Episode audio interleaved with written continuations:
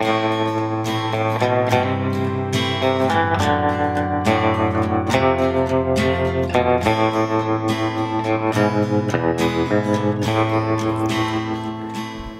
og velkommen til en ny episode av Bortekamppodden. Hei, Per Ibar.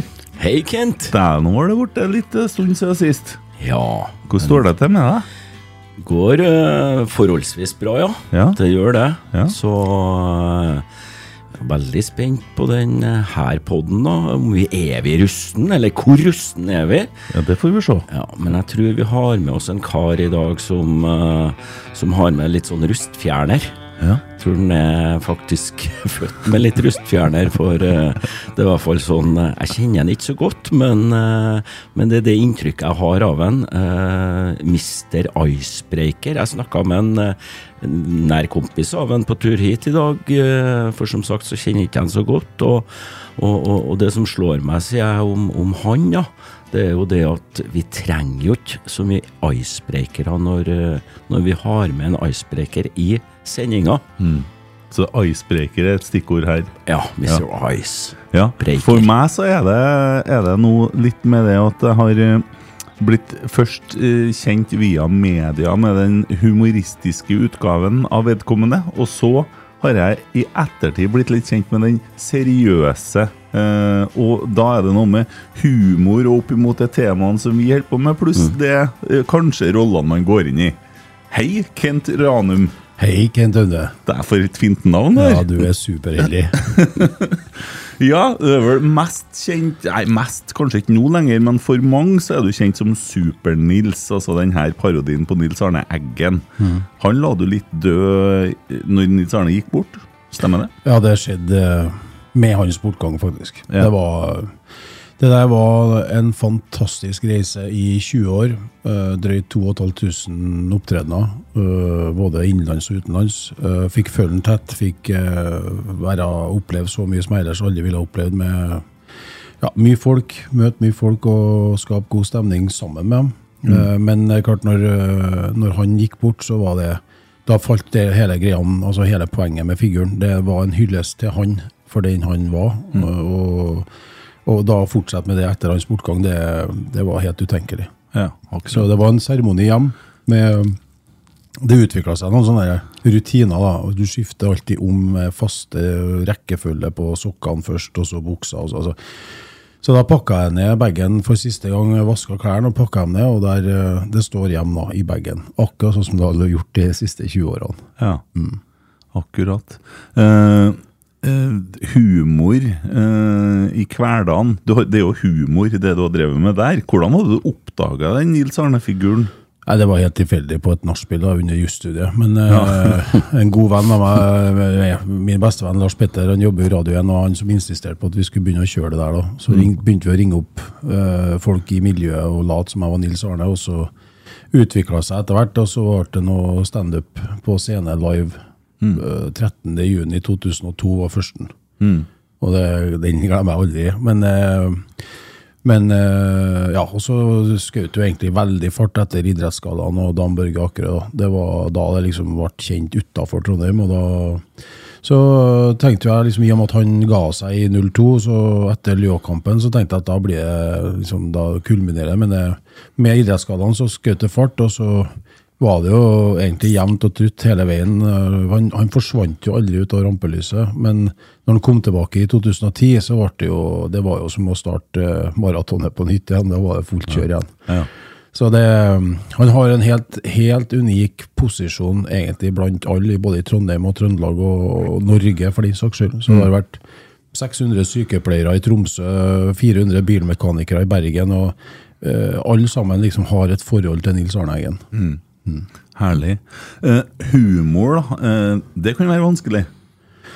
Det kan være, det spørs jo hvor langt altså hvor, hvor langt opp imot grensa du vil eh, tåle og så, dra det da, når du skal holde på med humor. Jeg synes jo det, det, det beste med humor er jo når du holder deg sånn passe innafor og, og får folk til å kose seg, sånn feel good-humor. Eh, humor som går grovt på bekostning av andre, slår fort feil. da. Det, jeg har ikke den humoren i hele tatt. Men, eh, men eh, Jeg har ikke egentlig flira så mye av mine egne vitser, eller settinger, men det var jo mer kombinasjon av å være Nils Arne og si mye av det samme. For det var jo en av avtalene vi hadde, at jeg skulle aldri tillegge en mening han ikke hadde. Og det sa han jo i, i videoen til meg på min 40-årsdag, at han, han sa på videoen at han leste inn en hilsen. at det, og det har du faktisk vært så god til, at du har tillagt meg en del meninger ikke jeg visste jeg hadde, men som jeg har nå. Så det var liksom, det var, ja, Den videoen plukker jeg fram av og til og ser på, men, eh, men eh, nei, humor er, for meg så er eh, Altså, hele livet mitt så har det egentlig vært humor brukt som eh, si, en medisin eller en buffer for å unngå å tenke på alt det andre som ikke er så bra. Eh, og det å, å altså Du ser jo nå i, i tunge tider, sånn som dagens situasjon med krig og, og priser og økonomi, og folk får det tungt. Det er jo da og kultur og kunst opplever vekst. Mm. Altså, Folk trekker til arenaer hvor du kan glemme det du står i, uh, glemme det du sliter med, glemme utfordringene, og heller fokusere på noe helt annet og rett og slett bli fora med positivt påfyll. Og det, Sånn sett så tror jeg faktisk humor brukt rett er, eh, i, tillegg til sånn seriøs kunst og kultur, men altså humor er en veldig viktig del av det virkemiddelapparatet for allmennhelsa og psykisk helse, faktisk. For det, folk som flirer, har det jo bedre enn dem som ikke gjør det. Og det at du da kan ha noen lyspunkt i hverdagen som får deg til å tenke altså Slipp å tenke, glem alt annet og bare få påfyll. Det, det, det, tror, jeg, det tror jeg du aldri liksom skal undervurdere verdien av. Nei. Nei, jeg har jo sjøl erfart at kanskje det er nesten mørkeste humor nå har jeg jo sett på institusjoner med rusavhengige, eller på psykiatriske institusjoner hvor at ja, humor blir like funksjonell medisin som den du får utdelt, da, for å si det sånn. Eh, og det, ja, det er jo ofte der. Galgenhumor og ja.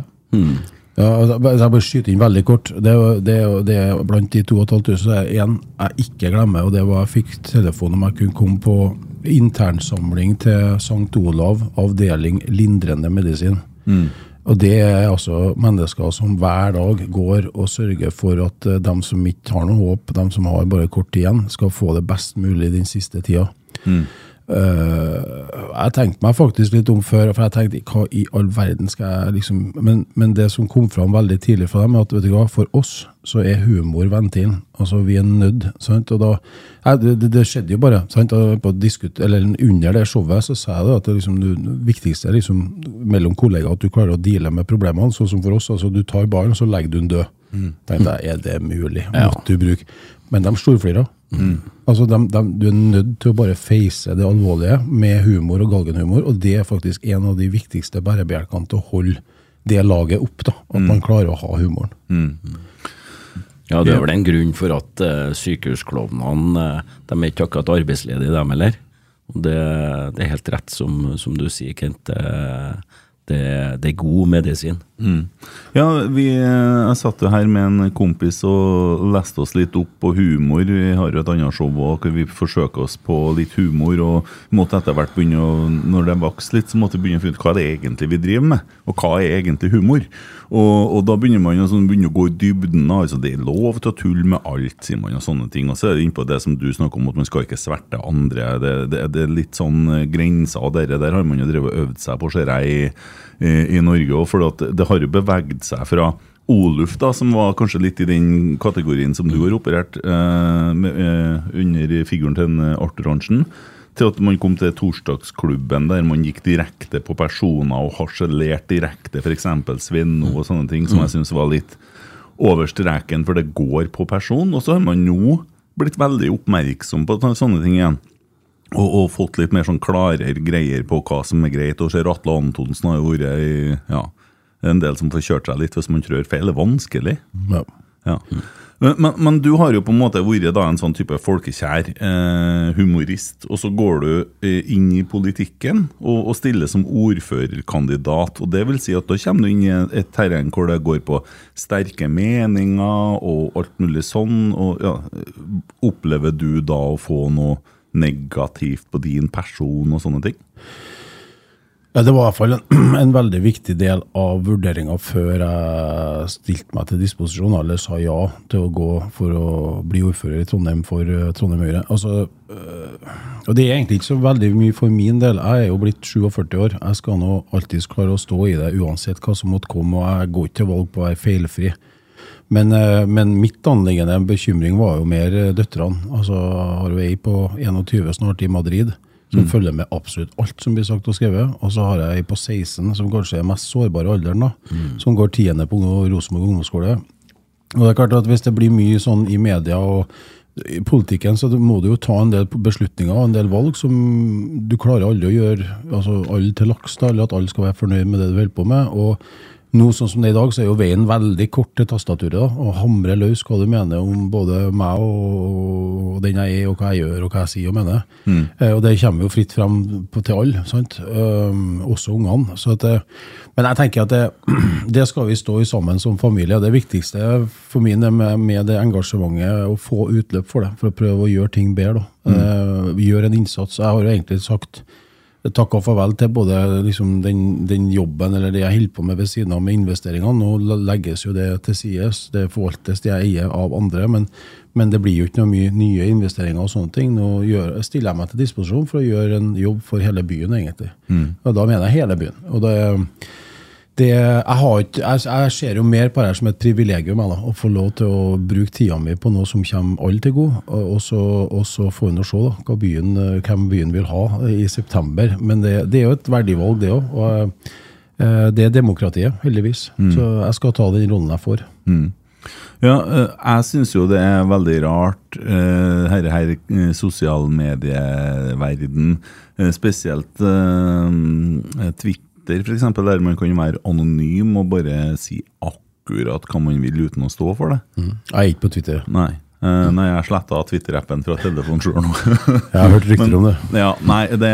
Men det er jo helt forferdelig, og jeg regner vel med at den der verden der til slutt må ende med at det til slutt krever innlogging med fullt navn, eh, personnummer, og at man må stå for det man sier. For ja, det burde ha vært. Det burde det. Mm. Ja. Men tenk deg, tenk deg hvis du kunne få det også et politisk klima. da, hvor det er slutt på å avbryte hverandre. Det er slutt på å gå til personangrep. Det er slutt å ha personkarakteristikker eller sånn utskjellinger. Altså, jeg, prøver å si det til dem jeg treffer. Også. Jeg kunne jo helst ha sett meg at det, var, det er selvfølgelig uenigheter. Og man, har, man, kan være enig om målet, og så er man uenig om virkemidlene for å komme dit. Mm. La nå det ha være sånn respekt for det, da. Og så tenker jeg at veldig mye av det vi har fått til i verden fra, fra år null og frem til i dag, har jo skjedd fordi at man kanskje har lytta til andre, og så har man kommet med sine innspill, og så finner man en eller annen felles løsning å forene seg om. Mm. I det tilfellet her, da, til beste for Trondheim og mm. Trøndelag. sant? Altså, vi kan være rykende uenige om en god del ting, men det jeg ikke liker altså Hvis du sammenligner med hvis du drar i en 40-årsdag eller et bryllup eller sitter med noen folk og spiser lunsj altså Du, du opplever aldri at liksom, når én snakker, så er det noen andre som avbryter og roper høyere eller begynner å karakterisere fordi man er uenig. Altså, du, da er jo lunsjen fort over. da, du, Og du tar ikke den lunsjen en gang til. sant? Uh, og mellom politikere og administrasjon. altså det, jeg tror, vi, jeg tror, vi, må begynne en plass, og det er liksom gjerne på et ledelsesnivå. Da, at du går foran med et godt eksempel. At det er sånn vi oppfører oss, det er sånn vi behandler hverandre. Og så legger vi en felles plattform om at vi jobber til det beste for byen. Mm. Så kommer vi dit, så, så, tror jeg vi har gjort det. For du, du demper på en måte konfliktnivået. Hvis toppolitikere står og kjefter på hverandre, så, så, tenker jeg folk i gata hvorfor skulle ikke de gjøre det samme? Mm, mm. Men hvis de får litt mer ro på toppen, så kanskje det roer seg videre ut i samfunnet òg. Jeg vet ikke, det er mulig at det er naivt, altså, men vi må da få prøve. Det er sikkert litt naivt, men det er veldig god tankegang. altså Det er en god idé, eller hva jeg skal si. For da, altså, ser, det, Vi bader jo i hersketeknikker alt mulig jævelskap i alle bauger kanter, føler jeg. Ja. Folk, det er fordumming ikke sant, og latterliggjøring. Man leter hele tida etter feil. og Det holder på å bli litt noenlunde amerikansk i noen sammenhenger, så syns jeg. Mm. Det, det, går mye mer på person nå enn hva jeg noen gang har gjort. Ja, det, det, gjør det, og det er jo litt media òg, da. tenker jeg. det du skal ikke gjøre noe mye galt før, før, du blir hengt ut hvis du har en profilert posisjon. enten det altså ja, det er jo hva som helst. Så lenge du har et kjent ansikt, så bør du helst eh, gå innenfor normen. Altså. Du skal ikke gå noe mye på rød mann i Ola Tryggvasons gata eller uh, ja, hissig bilkjøring eller ja, hva mm. som helst. Mm.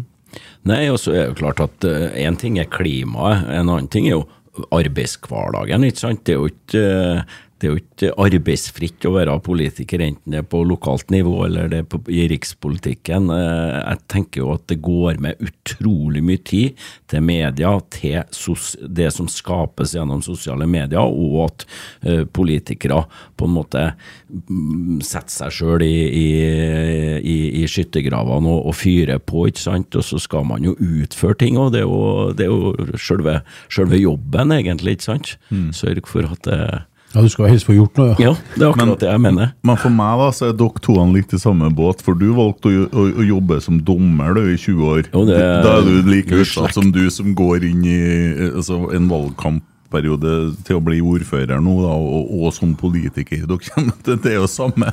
Jo, da står du her, da. Ja, Det beste du kan oppnå, er å unngå å få kjeft. Nettopp. Der er felles eh, skjebne, altså. Men uh, lykke til. Ja. det går an, altså. Til en viss grad så går det an. Og da handler det om, som egentlig indirekte du er inne på, uh, ikke gjør altfor mye galt i Olav Tryggvasons gate og, og, på arena der du blir sett. altså, og Konvertert til en fotballdommers hverdag, så er det jo på de 90 minuttene at du unngår å, å havne helt feil ut i nøkkelsituasjoner. Så kan, og Det er jo som du starta med å si, mm. eh, du er ikke feilfri. Det er veldig få som er feilfri, ca. ingen. Mm. Så om du gjør noen sånn småfeil innimellom, så lever man godt med det både som politiker og, og, og som fotballdommer. da. Mm. Så er jo 80% av det du får av meldinger, er jo stort sett pga. engasjementet. sant? Det er jo engasjementet som ligger bak. så du må... Det må man ikke glemme. Nei, jeg tror i hvert fall for min del også blir det å bygge opp en slags rustning eller filter som liksom Ok, det preller av fordi at det der er en engasjert innbygger som mener sånn og sånn. Uh, la det være. Og så går det ei grense der, da, for de siste 20, eller hva det er, uh, som er way, altså langt utafor det som er greit. Og Da mener jeg både dommeren og, og politikeren og hva det enn skulle være, må ha en rett til å varsle om det. Altså, Det der er ikke innafor. Det er ikke greit. Ja. Mm. Ja, nei, det er, Man stiller seg nå hva skal jeg si, og, og, og laglig til hugg, eller et eller annet sånt. Man velger å ta ansvar og skal bidra for mm. fellesskapet, da. Ja. Uh, og det står jo i respekt av det at uh, det finnes mennesker som ønsker å lede, og som uh, tør å stå i stormen. Uh, mm. For det kan være vanskelig noen ganger. Uh, jeg og Per Ivar vi snakker jo mye om psykisk helse i mm. denne podkasten. Og vi har nå hatt noen runder nå med litt depresjon og litt selvmord og litt sånne ting. Er dere, hvordan er det i politikerverden? Har dere hvor mye fokus og ja? Ja, altså det Bare for sånn kort innledningsvis, da, så jeg er jo ikke noe ekspert på akkurat det feltet. Men, eh, men eh, jeg brenner veldig for det sjøl. Eh, fordi at Altså, det er, det er et langt større problem enn det liksom, vi klarer å avdekke, tror jeg. Altså det med psykisk helse, psykisk uhelse eller utfordringer med psykisk helse, det er jo det er jo en lidelse eller et problem og, som du ikke ser. Altså, du ser jo ikke rundt deg i samfunnet, så går det jo langt flere med, med utfordringer med sin psykiske helse enn det, enn det du er klar over. Mm. Og det jeg hadde jo, altså, og konsekvensene er så store, og det, og det sjølforsterkende tror jeg da med sosiale medier og det presset og det jaget og forventningene. og liksom Du føler jo hele tida at du skal være ti av ti på alt. sant? Um, og Det gjelder like mye hos guttene som, som, som damene, jentene. Altså det, det, forventes du skal levere på alle nivåer, og så er det veldig fort at hvis du føler at du ikke helt leverer, da, sant, så blir du gående og gruble. Så kommer de her tankene. Og mm. Min tilnærming til det at altså Jeg syns jo sjøl at livet er i utgangspunktet urettferdig for kort. Sant? Altså det, det, og det, Nå høres det ut som jeg er mye eldre enn jeg er, men altså det, tida bare renner jo av gårde. Sant? Mm. Og vi har nå vår timålte tid her da, på, på jorda. og da tenker at det, det, det, du er mer enn bra nok sånn som du er, da, men å få forklart det til særlig unge gutter, eller uh, dem som blir alene, dem som sitter alene på julaften og i høytiden, at liksom, det er ikke det er noe galt med at vi altså, Det er gratis å bry seg, det er gratis å ta med folk, det er gratis å inkludere. sånn Skal du ha et selskap for åtte, så kan du like så godt ha det for ni. Sant? Mm. Hvis du tar med en som ellers blir sittende alene det å jekke ned forventningene, det å, men det er jo, du kjemper en enorm kamp da, mot både vindmøller og mer til. Men, men, jeg tror vi må ha en større bevissthet rundt at det, det problemet krever også nye, litt nye til, tiltak og løsninger. Og, og for min del, for min regning, så virker det som at vi i dag er veldig veldig opptatt av å reparere etter at skaden har skjedd. Men jeg kunne veldig gjerne tenkt meg at vi også som samfunn begynte å legge inn mye mer innsats på å forebygge før skaden skjer. Altså begynne å etablere arenaer, få i gang apparatene som kan fange opp på tidlig tidspunkt. Altså jeg har jo vært rundt mye og besøkt både barnehager og skoler, og det, det, alle på en måte fellesnevneren er at vi er et samfunn som er veldig på vei mot et sånn individuelt fokus. Sant? Det er mitt barn, mine rettigheter, vi skal sånn og sånn. Og så er det samtidig et jag og press for å være liksom blant de rette folkene. Og det der fanger de opp i barnehagen, de fanger det opp i skolen. De ser trekkene, de ser tendensene. Sant? Du har treneren på idrettslaget, du har læreren på kulturskolen. Sant? Du klarer på en måte gjennom dialog og relasjoner å fange opp det, og da må det være et velfungerende, aktivt apparat til å ta, dem, altså, ta vare på dem først, før skaden skjer. Det tror jeg da. Jeg tror vi som samfunn står oss mye bedre på det. Mm, ja, jeg, jeg tror at uh, en av løsningene der uh, Jeg har jo fått litt sånn uh, Jeg er en sånn person, da, for å snakke om meg, for er skal ikke bruke veldig mye tid på meg i den poden her, for jeg lover det. Men jeg, jeg har jo vært veldig åpen om min egen reise, og så har jeg blitt kritisert for det. Men jeg tror at det trengs at folk forteller hva som skjedde underveis, hvordan man ble syk og hvordan man ble frisk. Eh, og gjerne da eh, kanskje allerede ned i ungdomsskolealder. Jeg har jobba en del med borgerlige konfirmanter i Namsos bl.a. hvert år. Eh, der man eh, viser på en måte eh, åpenhet rundt eh, psykisk helse og rus. For at man skaper en aksept for at det er sånn Når du står der full av tatoveringer og ser litt sånn mørk, høy og mørk ut som jeg gjør, da, for å se det på den måten, så er det på en måte litt mer sånn Å ja, han òg kan ha det sånn. Og da åpner du den døra at kanskje folk lettere forteller at nå går det litt dårlig. Så, for at det er fortsatt litt sånn Det sitter litt langt inne, og så skal begynne å fortelle om det. Det er det. Og en annen ting som er litt sånn Det går på direkte på politikk, som jeg håper noen gjør noe med en gang. Eh, og det sier litt om Norge òg. Jeg får ikke livsforsikring. Fordi at jeg var innlagt for rus når jeg var 18. Jeg har vært snart i 29 år totalt rusfri. Men jeg får ikke livsforsikring pga. det. Eh, altså åpenhet rundt rus burde jeg ikke hatt i den sammenhengen. Jeg burde ha løyet om det. Men jeg vil tro at det er mye tryggere å gi meg livsforsikring pga. rus enn om jeg har nekta på det eller fortsatt rusa meg. Men hadde jeg fortsatt rusa meg og aldri vært i behandling, så hadde jeg fått livsforsikring. Det er noe som er opp ned der. Eh, Men det er sikkert bare en feil i systemet. Men eh, det, det er ikke sjans. Det er ikke litt rart? Jo, det er rart, men det er jo åpenhetens pris, kan du si. da, Det er jo den du forteller om nå. Ja. Og det, det kan man jo oppleve på, på Og jeg tenker at eh, samfunnets oppgaver må være å få ned den prisen eh, til, til absolutt minimum. Det, for det, det, når du har en, har en misjon, og du får den effekten som du sier på, på blant de konfirmantene som du møter, ikke sant? Og det, det er ikke en supermann som står der, det er en med, eh, som hadde opptil store problemer, ikke sant? Det gjør noe med, med ungdommene. Jo, de slipper ned garden, og de kan innta litt den rollen som Ranum sier, ikke sant? At jeg er god nok.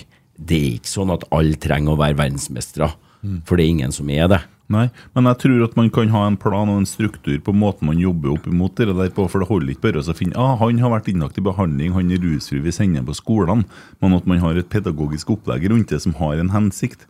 For det også, forebyggende arbeid er jo umålbart.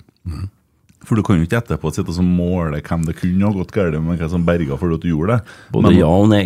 Det går an å måle eh, hva verdien av forebygging eh, gjør, for du har eh, tallene og kostnadene for dagen. Eh, dagens eh, innsatsnivå. Den er sånn. Øker vi innsatsen, så går det an å måle i etterkant. Hva, hva er kostnaden da? Og jeg tror, jeg er helt enig med Kent, at eh, styrker man forebyggende innsats, så er det veldig lønnsomt. Og ja, som forretningsmann så, så skjønner du at hvis du investerer ei krone i dag, så er det ikke sikkert du får tilbake ei krone og 20 øre i morgen, men du får den igjen eh, kanskje på slutten av året. Ja, og i dette tilfellet så tror jeg det, horisonten er enda mer ah, Ja, for- lenger, ja. ja for liksom, men, men husk på, vi For å prøve litt sånn Nils Arne-analogi. da, altså Mennesket var jo skapt uten både mobiltelefon, eh, internett eh, altså Mennesket har levd mye lenger enn det vi har i dag rundt oss. og jeg tror det er rett eller gærlig, men jeg tror vi i hvert fall har et samfunn nå som går på speed, altså i, i høy hastighet. da, det er en, enorme informasjonsmengder ungene og ungdommen og alle har på telefonen sin. Det er et jag. Du, du vet alt om alle. De kan legge ut hvor de er. Du ser de festene du ikke er invitert på. Du ser alt det du har gått glipp av fordi du ikke er en del av gjengen. Du vet det der det Altså, når det skjer. Det er ikke noe du får høre om før eller etter. Du bare ser det live hele tida. Mm.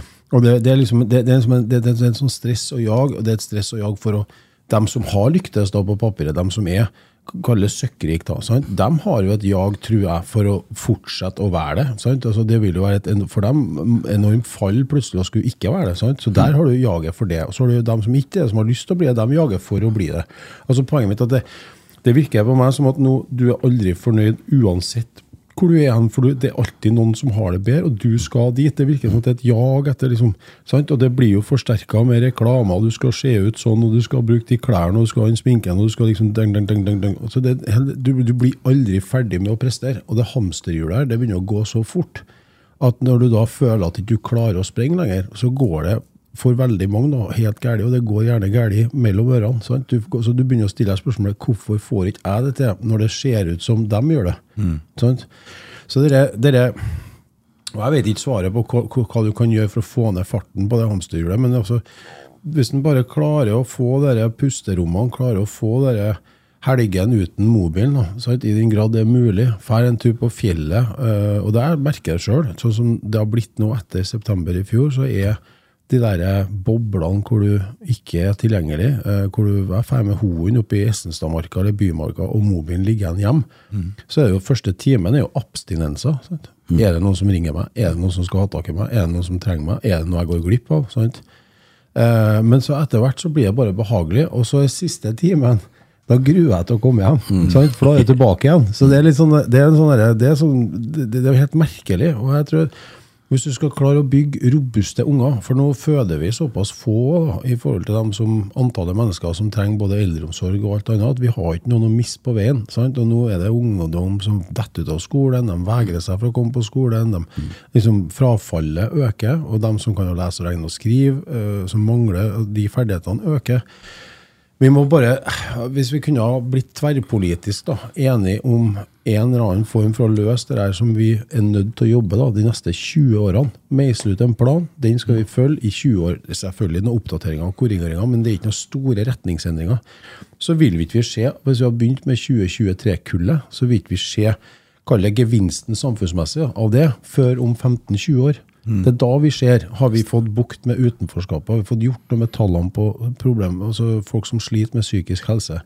Men spørsmålet mitt andre veien, altså, det koster mye penger, ja, men har vi råd til å la være? Mm. Det er det vi som samfunn må stille oss. Har vi råd til å la være? Og jeg mener jo at svaret er krystallklart nei, vi har ikke det. fordi at veldig mye av det vi kan gjøre, koster ikke nødvendigvis mye penger. Men det koster en holdningsendring, det koster en bevissthet hos alle om at jeg kan faktisk utgjøre en forskjell for deg. sant? Mm. Hvis jeg ser og hører og skjønner at du har et eller annet du går og gnager på, eller som plager, så kan vi begynne å prate om det. Sant? Det ofte starter med en god samtale med noen, men da kan ikke den som kunne ha tatt den samtalen med vedkommende, kan ikke ha det så travelt i sitt hamsterhjul at ikke de får opp øynene og tar seg tida til å sitte ned.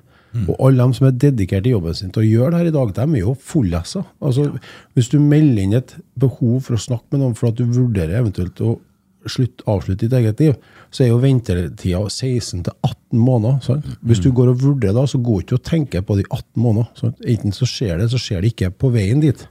Det må vi få gjøre noe med, som samfunn. Mm. Jeg har faktisk uh, for en stund tilbake erfart i Trondheim der, eh, der, jeg har en bekjent som ikke ville leve lenger. Og da, eh, i og med at jeg har vært litt åpen om min reise, så kontakter jo han meg.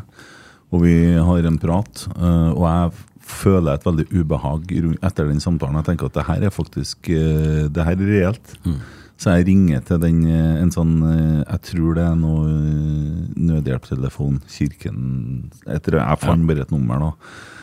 Uh, og, og, snakke med hun der om hvordan jeg skal forholde meg, og fære og oppsøke vedkommende. eh, og gjøre en helt konkret avtale der jeg blir med han til legevakta dagen etterpå. eh, hvor vi så blir henvist til Østmarka, og jeg blir med dit. Og, og da opplever jeg dere som såpass prekært at jeg For at jeg syns det gikk så langt at jeg kjente at det prega meg så mye at her må jeg faktisk gjøre noe. Hvis ikke så Jeg kan ødelegge mitt eget liv òg her. Jeg er nødt til å gjøre noe. Eh, men kommer på Østmarka, og det ender opp med en time der, og så da ny time om noen dager. Altså ikke noe innleggelse, ingenting. Jeg skjønner ikke at de turte det. Jeg skjønner ikke at de turte og ikke at, Men det er ikke plass. Jeg, og det er, det er gambling, altså. Men Var konklusjonen at vedkommende burde ha vært lagt inn, men det ikke var plass, eller var at de vurderte at det ikke var grunnlag for innleggelse? Altså, kunne- han var jo villig til å legge seg inn helt til vi kom dit og satt der i samtalen, og da begynte han å trekke seg. Men han burde absolutt ha vært lagt inn. Eh, jeg skal ikke si så konkret det, hvorfor det kulminerte som det gjorde. Eh, jeg var jo med inn i den samtalen eh, og, og, og kjørte på ganske hardt hvordan jeg som omgivelse opplevde dette her, og at det her var Og det, det rant jo ut i sand, ja. Eh, Sammen med meg sjøl var lagt inn på sykehuset en gang for et selvmordsforsøk. Uh, fikk spørsmål om jeg ønska oppfølging etter at uh, Berga lå på overvåkninga i to døgn og fikk beskjed om at uh, det var fire uker ventetid. Det var jo, men da var jeg 15, og det var ganske Det var lenge siden. det. Men jeg har inntrykk av at det har ikke blitt et spytt bedre, kanskje verre.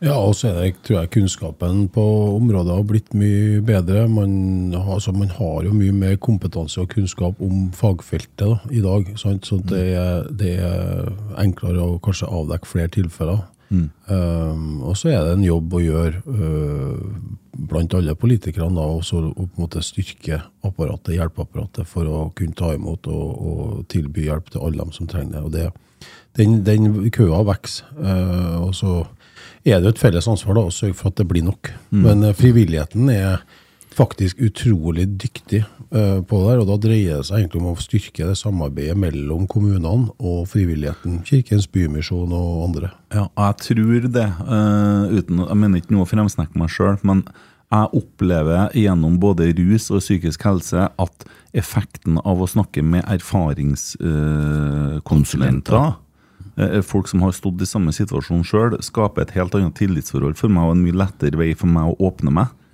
Eh, og det, det, det tror jeg man aldri skal undervurdere. For profesjonelle eh, det er mye flinke folk.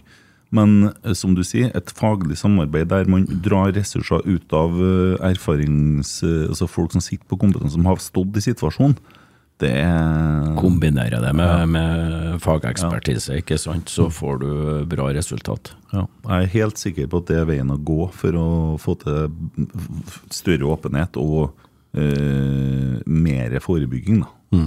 At folk åpner seg i tidligere faser før eh, dette tankekjøret tar helt overhånd og det er slutt. liksom. Og det, det kommer til rus òg. Akkurat samme. Nå har man jo et kjempeproblem, for at kokain er på en måte blitt uh, som saft for enkelte. ser det ut som. Det, det er liksom ingenting, det. Men du hadde jo den ytringa i påska fra hun fortvilte mora, sant, som det ble jo riksmediasak av til slutt. Men jeg klarte ikke å la den ligge, altså, for at det var jo hun med 13 år gammel datter sant, som, altså, hvor hun har prøvd absolutt alt. Absolutt alt. Sant? Og alle hjelpeinstansene, eller instansene i hjelpeapparatet sier at det, ja, vi kan hjelpe til, vi, så lenge barnet vil det sjøl. Og når barnet bare vil ut og ruse seg, så får ikke du det nødvendige samtykket. Sant? Og da var jo, Hun etterlyste jo egentlig finnes ikke noen muligheter for å tvang. Og det ble jo en ganske stor debatt. og Jeg ville jo bare ha utreda hvilke tvangsmuligheter som eventuelt finnes ute der. Og da er det ikke det gamle reitgjerdet som skal gjenoppstå. Men det er mer sånn som f.eks. ta Kirkens Bymisjon. dem hun var jo veldig tydelig, hun Gunhild Holten som heter i, i Kirkens Bymisjon, at vi kan, vi kan, hvis vi bare kunne ha tvang i kort periode for å få rusen ut av kroppen, for å få det barnet nykternt da, og tilgjengelig for å kunne bygge en relasjon, og få kakka av det ytterste skallet, kom litt under huden for å ha en tillit, en relasjon der, så trenger ikke man noe mer tvang. Da kan man på en måte uh, begynne å bygge en relasjon og tillit derfra. Så det som samfunn, jeg, jeg klarer ikke å begripe at 13-14-åringer skal få bestemme sjøl om de vil kjøre kokain i kroppen eller ikke. Det må være noen, De er jo ikke ferdig utvikla som mennesker engang. Altså, vi kan- Vi kan som samfunn vi skal si at nei, du får ikke kjøre scooter eller moped, for du er ikke 16. Sant? Du kan ikke ditt, du kan ikke datt. Men kokain, ja, det skal ikke vi legge oss opp i. Det blir for meg helt riv ruskende tullete. Altså. Ja, eh, kan jo bare føye til, for når jeg var 18 og for så vidt ganske ung da, og holdt på i mange år òg, Ja. så ble jeg jo lurt litt av kommunen, så jeg fikk ikke noe alternativ. Det var gata eller eh, behandling. Eh, og da kom jeg jo inn til en sånn klinikk der det jobber eh, folk som har vært rusavhengige sjøl. Og min innstilling på tur dit var at jeg skulle stikke av. Jeg skulle jo bare sjekke inn, og så skulle jeg dra. Men når jeg kom dit og fikk prat med dem som var der, så var det litt sånn de, de vet jo litt hva de snakker om, for de har jo faktisk eh, de, så det, var, det var en helt annen kjemi. da. Det var jo ikke noe fordømming, det var ikke noe moralisering. Det var liksom helt greit. Og så jeg, ble jeg møtt på følelsene mine. Og det er jo det som er, som jeg sier så ofte, da. Det å klare å bli møtt på følelsene sine og føle at du får forståelse uansett hva du har gjort og hvem du er, da kan du begynne prosessen. Og det er jo det som skjer med disse erfaringskonsulentene, ikke sant, som har stått i driten sjøl. Og de, de evner å møte deg der du står. Og da, da skaper du gjenkjennelse, og så har du muligheten til å nå inn. Helt sikkert det Kirkens Bymisjon var ute etter i den 13 år gamle jenta si tilfelle òg. Ja. Eh, du da, Kent. Du har da hatt uh, sånn, Du kommer til sånn eh, livsstilsendringer og sånne ting. Jeg hørte jo du var på skrøt sånn at du drev og sykla her en gang vi satt og prata. Du har gjort litt sånn ting sjøl i livet?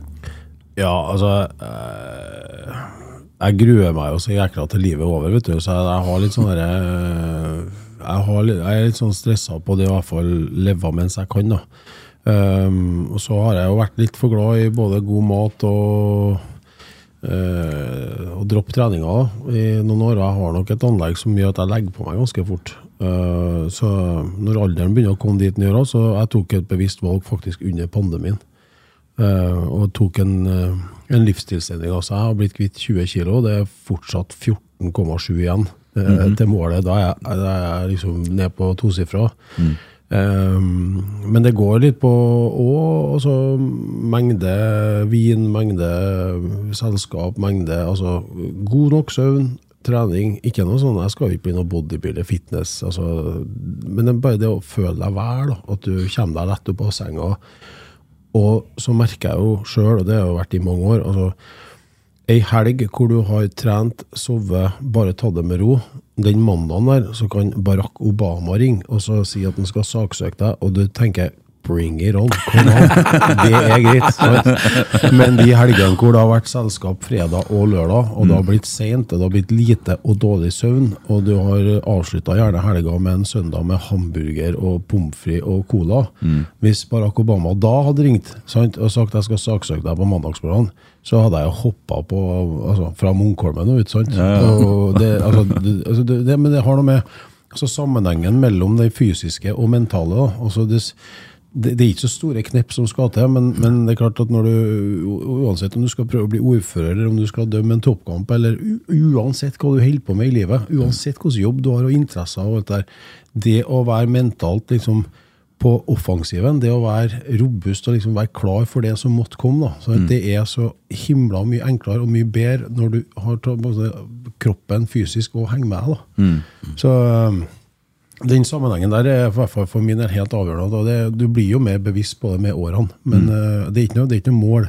Jeg skal sykle Trondheim-Oslo i år, da. Jeg, det skal jeg gjøre, for det syns jeg var kjempe sist òg. Men det er mer sånn kosetur, skal ikke jeg kalle det. Men det er mer det, det, er et mål, og så har du gjort det. Eh, men, men sammenhengen mellom fysisk og psykisk helse skal, den, den, den, den henger høyt for min del. Den mm. gjør det også. Og jeg elsker jo de mandagene hvor jeg tror jeg skal slå Barack Obama. Nå er Barack Obama helt tilfeldig valgt, da, men jeg bare jeg, ja.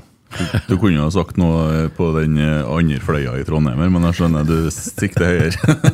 Eh, Nei, men det er artig at du nevner. Vi hadde jo en, eh, min gode venn Trond Haug her med i en episode. Og Trond han lærte meg for en del år siden at eh, psykisk helse det, og psykisk lidelse behandler vi på tre måter. Det ene er medisinering, det er samtaler, samtaleterapi eller fysisk fostring, som man sier. Han er en voksen mann. Ja. Uh, og nå har ikke jeg stilt som ordfører eller eh, dømt noen kamper, men jeg står litt i stormen noen ganger, og uka som har vært nå, så har det vært, noe, vært litt storm. Eh, og kjent faktisk uro i brøstet. Og da, da må jeg være For at jeg har ikke lyst til å ha det sånn. Eh, kjenner fort Oi, nå kjenner jeg den gamle klumpen. Det her minner om angst. Jeg må ut og trene. Så har jeg løpetrening. Det har jeg jo tre ganger i uka. Og så fjerner jeg Twitter fra telefonen. Det var god medisin. Men jeg har òg brukt den Gjestenstaturen som du snakker om. At jeg har lagt igjen telefonen hjem. Har hatt sånn musikk på klokka opp til ørene, så jeg har litt lyd i hvert fall. Eh, og opplever akkurat det samme. Den der, der friminuttet i livet der. Eh, det tror jeg er veldig god medisin, altså. Ja. Skjerpingstid. Ja. Ja, jeg, altså, jeg, jeg har jo faktisk altså, Jeg har tre barndomskompiser fra Klæbu. Jeg har vokst opp der egentlig fra andre klassen på barneskolen. Og det er tre stykker som ikke er av helt sånn skal si, åpenbare grunner har ikke hatt så mye kontakt med. Da, med ulike interesser og alt det der. da. Og så har ene begynt å jobbe for meg i Borg, da. Og da satt vi og prata på en sånn samling at det hadde vært artig å dra i Brungmarka igjen. Liksom sånn som vi gjorde når vi var 16-17 år. Og nå har det blitt en fast greie da, to ganger i året. En gang når det er snø, og en gang når det er uten. Og oppi der er ikke dekning. Så Det er så genialt. Én ting at det er med gode, gamle venner som de bryr seg ikke verken om, om politikeren eller noe som helst. Der kan jeg bare være gode, gamle Klæbu-gutten. Eh, og så får jeg slappe av med mobilen, og så bare kobler av, fisker vi ørret, og så lyver vi litt, og så koser vi oss og tjoer. sant? Og de boblene der, da, etter det så kan jeg gå 16-17 timer i døgnet med jobb og stress og kjøre i tre-fire måneder etterpå. Jeg lever så godt og lenge på bare de helgene der. Altså. Så det, det er det for hver enkelt å, å skaffe seg det rommet til å hoppe ut av hamsterhjulet og bare slappe av litt. Det slår meg, Kent, at du, du har jo en enorm gjennomføringsevne. Så når du bestemte deg for, for å endre livsstilen, kutte ned på mm, antall godsaker som ikke gjorde kroppen godt, eh, og sånn, og, og du, du satte deg som mål at du skulle gjennomføre Trondheim-Oslo, Eh, og det er jo mange som har de her, de sveiper innom oss. eh, at dæven, nå er det tid for change, ikke sant? Eh, sånn og sånn. Og for de fleste, i hvert fall, vil jeg påstå, så ender det med et sånt et lite sånt eh, skippertak, et, et forsøk da, som selvsagt isolert i seg sjøl er kjempebra, men det gir jo ikke noe varig endring, og, og, og bare kan ringe jo hver mandag, ikke sant? Og, og da er du, sliter du litt etterpå. Har du, no, har du noen tips til, til vanlige folk som har lyst til å gjøre en liten eller en litt større endring for at det skal, eh, du skal klare å gjennomføre det og, og stå i det? Ja, jeg det blir jo bare egne erfaringer, da, men eh, det er to ting. Altså, når vi bestemte oss, jeg og han kompanjongen min, da, mm. for å sykle Trondheim-Oslo eh, Når jeg bestemte meg for at nå, nå kutter jeg ut eh, Jeg har jo røyka en gang òg, så det er akkurat det samme. Jeg kutter ut røykinga. Ja. nå skal jeg gå ned i vekt, nå skal jeg få et bedre liv. Nå skal jeg liksom ditt, nå skal jeg datt. nå skal jeg Eh, det har vært med meg hele livet, egentlig. Jeg var jo ni år, eller ni eller ti, jeg husker ikke helt, når jeg bestemte meg for å bli advokat òg, og det sa jeg nå. Men det er to ting. Én, si det til så mange at du kjenner at jeg skuffer noen. Flere enn meg sjøl, ja, hvis jeg ikke gjør det. Og det andre jeg alltid får gjør, da, jeg ser alltid for meg følelsen når jeg har klart det. Og så bruker jeg det som indre motivasjon. Jeg har visualisert hvordan det skulle være å komme i mål i Oslo, sikkert i seks-sju måneder før jeg kom i mål. Det nå var ikke akkurat sånn som jeg hadde sett for meg å komme i mål, men du finner ikke ut det før du kommer i mål, og da er det godt likevel. Men det er liksom å se for deg Ok, hvis jeg nå øh, kutter ut øh, burgeren og kutter ut øh, vinglassene og sånt, og så bare Nå kjører jeg, nå trener jeg tre ganger i uka. Når jeg kommer dit at jeg veier sånn og sånn, eller når jeg kommer dit, så får du jo litt sånn forsterk som forsterkende gode løypemeldinger underveis når de mandagene noen barak ringer, og det er helt greit. Og så er det neste mandag, og så er det jammen meg på tredje mandag. sant? Til slutt da, så begynner du å tenke Vil jeg egentlig ha den mandagen som var før, eller vil jeg bare fortsette? Og så blir det bare helt naturlig. sant? Men det er jo det å på en måte klare å motivere seg sjøl, det er det som i hvert fall har vært min greie. da. Motivere meg til å sitte og lese det jussen, motivere til å jobbe. liksom. Det, det er liksom den indre motivasjonen. Du må holde på med noe som på et eller annet vis klarer å gi deg en indre glede av å gjøre det. da. Og så er det ikke sånn at alle dagene er like lett, og det er liksom en sånn sky du svever på. Det var en god del ganger jeg trødde på meg en sykkelbukse og hadde mest lyst til å hive sykkelen og late som jeg aldri har sagt det. Men da må jeg plutselig begynne å forklare familien og kompisene og jobbkollegaene at Nei, jeg, sant? av. Ja. Og da er det sånn nei, nei, de skal ikke få den gleden. Sant? For at alle sammen, til og med mor mi kom jo dagen før jeg skulle sykle Herre går aldri bra. Herre går aldri bra. Sant? Hun er ikke noe sånn motivator morsom, da. Men, men det er liksom der- Så det er sånn Jo, jeg skal vise deg. Sant? Og da liksom, så tror jeg faktisk da at hvis jeg da Uh, for at du blir like sliten uansett. Om jeg bestemmer, så Under oppkjøringa, hvis du skulle sykle byneset rundt, så er du sliten når du kommer hjem. Fordi at du er mentalt innstilt på at den turen skal være sånn. Sykle til Orkanger tilbake, lenger, flatere, men allikevel like sliten når du kommer hjem. Men sånn er det når du sykler til Oslo. Altså, når jeg kom på Berkåk, så hadde det jo liksom bare så vidt begynt, for du vet jo at det er lenge igjen. Oppdal, eh, Dombås. sant? Det var først nede på Lillestrøm, og det er jo liksom fotballgrunner. Da, da hadde du blitt kvalm. eh, men, men, men fra, fra Kløfta og inn, så var det da var det jo For vi brukte jo 32 timer, og, sant? og vi sov jo ikke, så det begynte å bli mangel på søvn. Kroppen er utslitt, så jeg flira og skreik helt ukontrollert om hverandre. Så når vi kom i mål, og dama skulle komme med medaljen rundt halsen, og jeg sto og kikka på henne sikkert i 30 sekunder til slutt, så sa kan ikke du være så snill å ta deg hjelmen, så jeg får denne rundt hodet ditt? ja, ja, ja, hjelmen, ja. Sant? Men den følelsen der, da. Du var helt uovervinnelig. Sant? Så det er liksom det å ha den indre, ikke indre kampen, men finne deg et mål, og så bruk tida, og så få positive bekreftelser underveis. Og så har det hjulpet meg å fortelle til såpass mange at jeg jeg, skal, jeg ser på dem som litt sånn mine fiender, i den forstand at de skal ikke få rett på at jeg ikke klarer det, selv om det har ikke mangla på støtte underveis. Men det er liksom, ja. Veldig bra. Hvordan er det da for deg som eh, Nå har du sikkert visualisert ordførerkjedet ordførerkjede noen runder òg, hvis det ikke blir det? Ja, jeg har visualisert begge deler, faktisk. Så det, men, men det som på en måte er den interne avtalen min, da, er at jeg skal øh, stille til valg. Øh, jeg skal gjøre mitt beste for byen. Øh, og så er det avhengig av hvordan valgresultatet blir, om hvor mye mulighet jeg har til til å gjøre det med vår politikk. Men, men jeg håper jo at Høyre uansett kommer i en posisjon hvor vi blir en stemme inn i bystyret for folket. Eh, og så skal jeg legge ned den innsatsen jeg har kapasitet til å gjøre for byen de fire neste årene. Uansett. Ja. Det er ikke noe sånn at enten vinner jeg, eller så trekker jeg meg. Vi er ikke der i hele tatt. Nei. Altså, det, her er, det her er en forpliktelse. Det her er en kontrakt som er lagt ut til byen.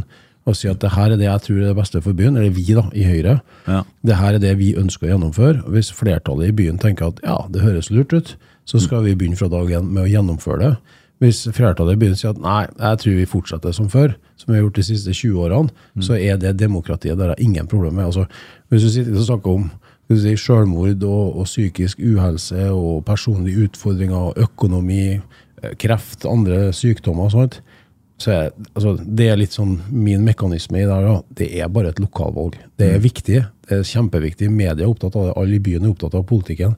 Men til syvende og sist så er det bare et lokalvalg da, oppi det hele, med også perspektivet. Mm. Men jeg er klar. Jeg har satt av tid og kapasitet, alt jeg har til å gjøre en kjempeinnsats som jeg klar, altså, så, så, så vidt jeg kan, eh, de fire neste årene. Ja. Nei, jeg tenkte for at jeg har vært med i noe sånn uh, sammenlign, dårlig sammenligning kanskje, men vært med i noen konkurranser da, på TV-en og sånn, eh, og sett for meg hvordan ting skal være, og så har jeg glemt å forberede meg på det at jeg ikke kanskje går videre. Så kom jeg ganske langt, og så røyka jeg ut, og så ble jeg liggende på sofaen i noen måneder, og kollapsa fullstendig. Ja. Ja, da trodde jeg alt var over, jeg. Ja. Ja, takla det helt forferdelig dårlig, altså. Tåler Da er det jo litt trygt å høre at uh, navnebroren din har tenkt, uh, Blitt tenkt liggende på sofaen i to måneder etter valget og Nei. aldri møte opp på ei Nei, men det er klart, altså, det, altså hvis valg eh, så det, hva heter det, det, valg, eh, valgdagsmålinga eh, og res, første resultatene klokka ni på kvelden 11.9. viser at det her går ikke. Så det er klart at det blir jo en sånn der og da en sånn åh, Det var synd. Så Det blir jo en skuffelse av at man ikke har lyktes med å få ut budskapet som jeg tror på, eller vi tror på. Men det er, jo, det er jo ikke bare meg. altså Vi er jo flere hundre nå i, i Trondheim Høyre som jobber dag og natt for å, for å treffe folk og for å fortelle om politikken vår. Så vi, vi, vi vinner sammen, og så skal nå jeg ta støyten om vi taper.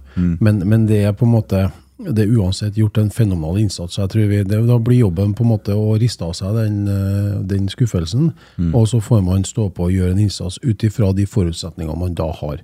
Men jeg opererer jo ikke med det scenarioet. Altså, I min verden så tror jeg det, det er på tide da, at vi slipper det. det. Jeg tror byen trenger det. Nye tanker, bedre løsninger og alt det her. Uh, og opererer egentlig ut ifra det, med å se for meg hvordan vi da hva er det vi først begynner med, hva er det vi jobber med deretter, hva er kortsiktige tiltak, hva er langsiktige tiltak. sånn at, Og det blir jo ikke noe sånn at folk våkner 12. hvis vi har vunnet valget, at de ser Trondheim står opp ned. Det er jo ikke det. For det, det er veldig mye som er gjort veldig mye bra i Trondheim. Men det er en del kursendringer som blir tatt, men det vil på en måte folk merke litt over tid. Ja. Nei, jeg blir jo sånn Jeg er jo mest interessert i, i mennesket-Kent, ikke sant? Og så er det blir det i forhold til hvordan man står i sånne situasjoner med seg sjøl. Det høres ut som du har eh, gode tanker eh, om det skulle bli det ene eller det andre. Eh, så har jo en kompis som satt i studio her i går, og som har tøffe dager. Kjetil Rekdal. og mm, det har jo på en måte sett begge sidene. Han jo si var med og vant en del i fjor, og det har han ikke gjort i år. Og hvordan man står i sånne situasjoner. Det går jo på eh, hvordan han håndterer ting med seg sjøl. Det er klart det, det, ja, det kommer sikkert Om man så vinner valget, også, så kan det jo komme noen dager hvor du må ha en tur i Estenstadmarka uten telefon, vil jeg tro. Ja, det, det, de turene der med hund og, og kona, eller bare alene, altså det, Uh, de kommer jeg til å fortsette med uansett, for det har gitt meg så mye det siste nå. Altså, det var jo noen måneder etter nedstenginga at vi, jeg begynte å ta her, og det, det har på en måte fått satt seg såpass at eh, hvis det går ei uke nå uten at det er to-tre treninger, og det treningene er ikke nødvendigvis harde heller, men det er bare at å styrkeøke på en halvtime, eller eh, sykle, eller hva som helst, komme seg ut. De ukene er ikke jeg lenger. For det, det er bare en, jeg er nødt til å prioritere det. Og jeg tror at hvis du bruker La oss si én dag da, til sammen på at du er helt off, så jobber du så mye mer effektivt i seks andre at du til sum, i sum har jobba mye bedre og fått til mye mer enn om du hadde jobba sammenhengende sju. Og så har du tatt vare på kroppen i tillegg. En ting til jeg lurer på. Ja. Jeg har jo snakka en del med en mann som er i samme bransjen som du er, da, Ivar Koteng. Eh, og han hadde en, en sånn liten tirade om media og følte seg feilsitert, eller han kunne oppleve at han ble tillagt meninger han ikke har, litt sånne ting. Du vil jo veldig komme i den situasjonen nå, og så sannsynligvis, hvor du skal håndtere media og det trøkket som vil være rundt deg da. Ja da, og det, det er kanskje Jeg og Ivar er ikke like på så veldig mye, men én ting kanskje at vi, vi snakker jo gjerne rett fra levra. da. Det gjør vi begge to. Og så er kanskje ikke alt som er like filtrert bestandig. Så skal jeg jobbe med det filteret i og med at det er politikk vi på med. Men, men media har nå sin rolle, og det media er på en måte forutsigbart, fordi at du vet på en måte rollen deres. Det er deres funksjon. sant? De skal opplyse, og de skal være vaktbikkje, og de skal følge med og alt der. Og så er det den andre sida med at du må Og det blir en tilvenningssak for min del, for at det er Lik det eller ikke, så er det et ganske sterkt personfokus, særlig nå i valgkampen. Eh, mens etter valget så vil det jo forhåpentligvis da dreie seg utelukkende om politikken du fører. Men der òg vil det jo være ting. Sant? Og så er det jo lett da at når det kommer en sak med negativt fortegn, og om du da er ordfører, så vil det jo på en måte være ditt ansikt, det er ditt navn, som på en måte stemples til saken. Og så må du nå stå i det derfra, da. Men, mm. men igjen, eh, hvis alternativet er å ikke få det privilegiet å kunne gjøre den jobben for byen, så velger jeg heller å stå i det. Ja, det er da det er viktig å huske på at det, det er ikke deg personlig de er ute etter, det er rollen, ikke sant? Det er rollen. Ja. Det er Den dagen du gir deg, så er det, da er du fri mann igjen. Ja. si. Da Ja. kan du Ja. gå på rød mann, og jeg gjør ikke det så ofte. Men, Det er kan, men, det- men det er utrolig. Altså, det, altså det, hvis du har på deg joggebukse og ikke har kamma på håret og drar en lørdags formiddag på butikken for at du glemte to avokado, sant, så er det, det er, De kikker litt, og så kommer det Snakkes det litt. Ja, altså, men det er artig med trønderen. var- Jeg opplevde, det her er jeg sjøl opplevd. Jeg var på handla, og så står jeg på kikker. Jeg var litt usikker på hva hun Annelise jeg mente om, liksom, av- om hvor mange avokadoer det egentlig var. Så kommer det en fyr og sier, unnskyld, er du som er han Øh. Og så snudde jeg meg mot ham, og da så han det.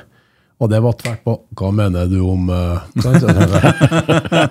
Men det er liksom det, det engasjementet. 24/7, da. Det er 24-7. Og det, jeg syns det var artig. da. Han han- han hadde noe, kattehotell. Men altså, jeg, jeg var ikke ekspert på kattehotell, det måtte jeg bare være ærlig på. Men, men bare det jeg tror, det, jeg tror det er en verdi da, at du er tilgjengelig. Altså at folk faktisk føler at det er greit å komme bort, og de kommer bort og, og stiller spørsmålene og har kommentarene. og sånn. Noen sier jo dette og heia og vi heier på deg, og sånt, og andre kommer bort og sier at min stemme får du aldri. Og det, Du får hele spekteret, og det er greit. verste som kan skje for politikere, er jo hvis det er likegyldighet. sant? Altså Engasjementet må være der. Det er hele inntekta her med tenk for politikere, at folk bryr seg, og folk går til stemmeurnene. Ja.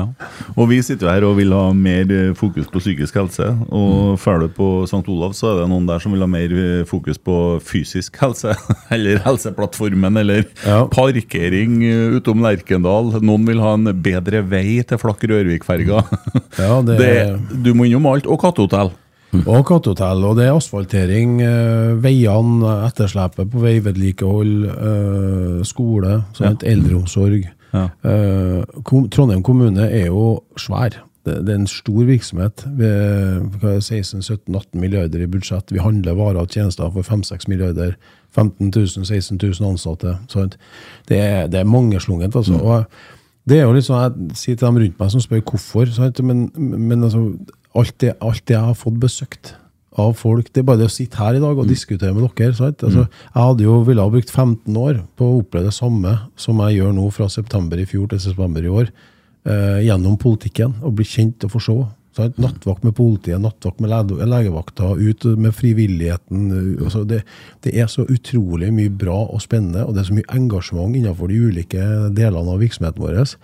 Og så går det til syvende og sist på å forvalte inntektene og skattekronene vi alle betaler, til det beste for alle. Sant? Og så syns jeg det har vært litt stas å få Trondheim litt mer sånn opp på kartet nasjonalt og internasjonalt. da. Fremsnakka Trondheim litt, i enda større grad. Men uh, det får bli hvis, jeg, hvis vi kommer dit. Ja. Hva du syns du, Birger? Jeg syns vi hadde en, eh, hadde en fin, fin stund, ja. og ja, du har lært mye siden september. Og det er jo klart at når du får sitte, sitte i lag med deg en times tid her, så jeg har lært masse. jeg, Og jeg tror at en, mange av lytterne nå har blitt motivert av, eh, av denne timen. Og da har vi oppnådd masse. masse. Og så eh, blir oppfordringa, da Vi er jo veldig upolitisk eh, i, i bortekamp, eh, men eh, at folk finner veien til stemmeurnene Bruk stemmeretten. Ja, Ja. det er, det er vi enige om. Ja. Og gå en tur i Estenstadmarka uten mobilen. Ja, Det anbefales. Ja. Tusen hjertelig takk for at du tok turen. Tusen takk.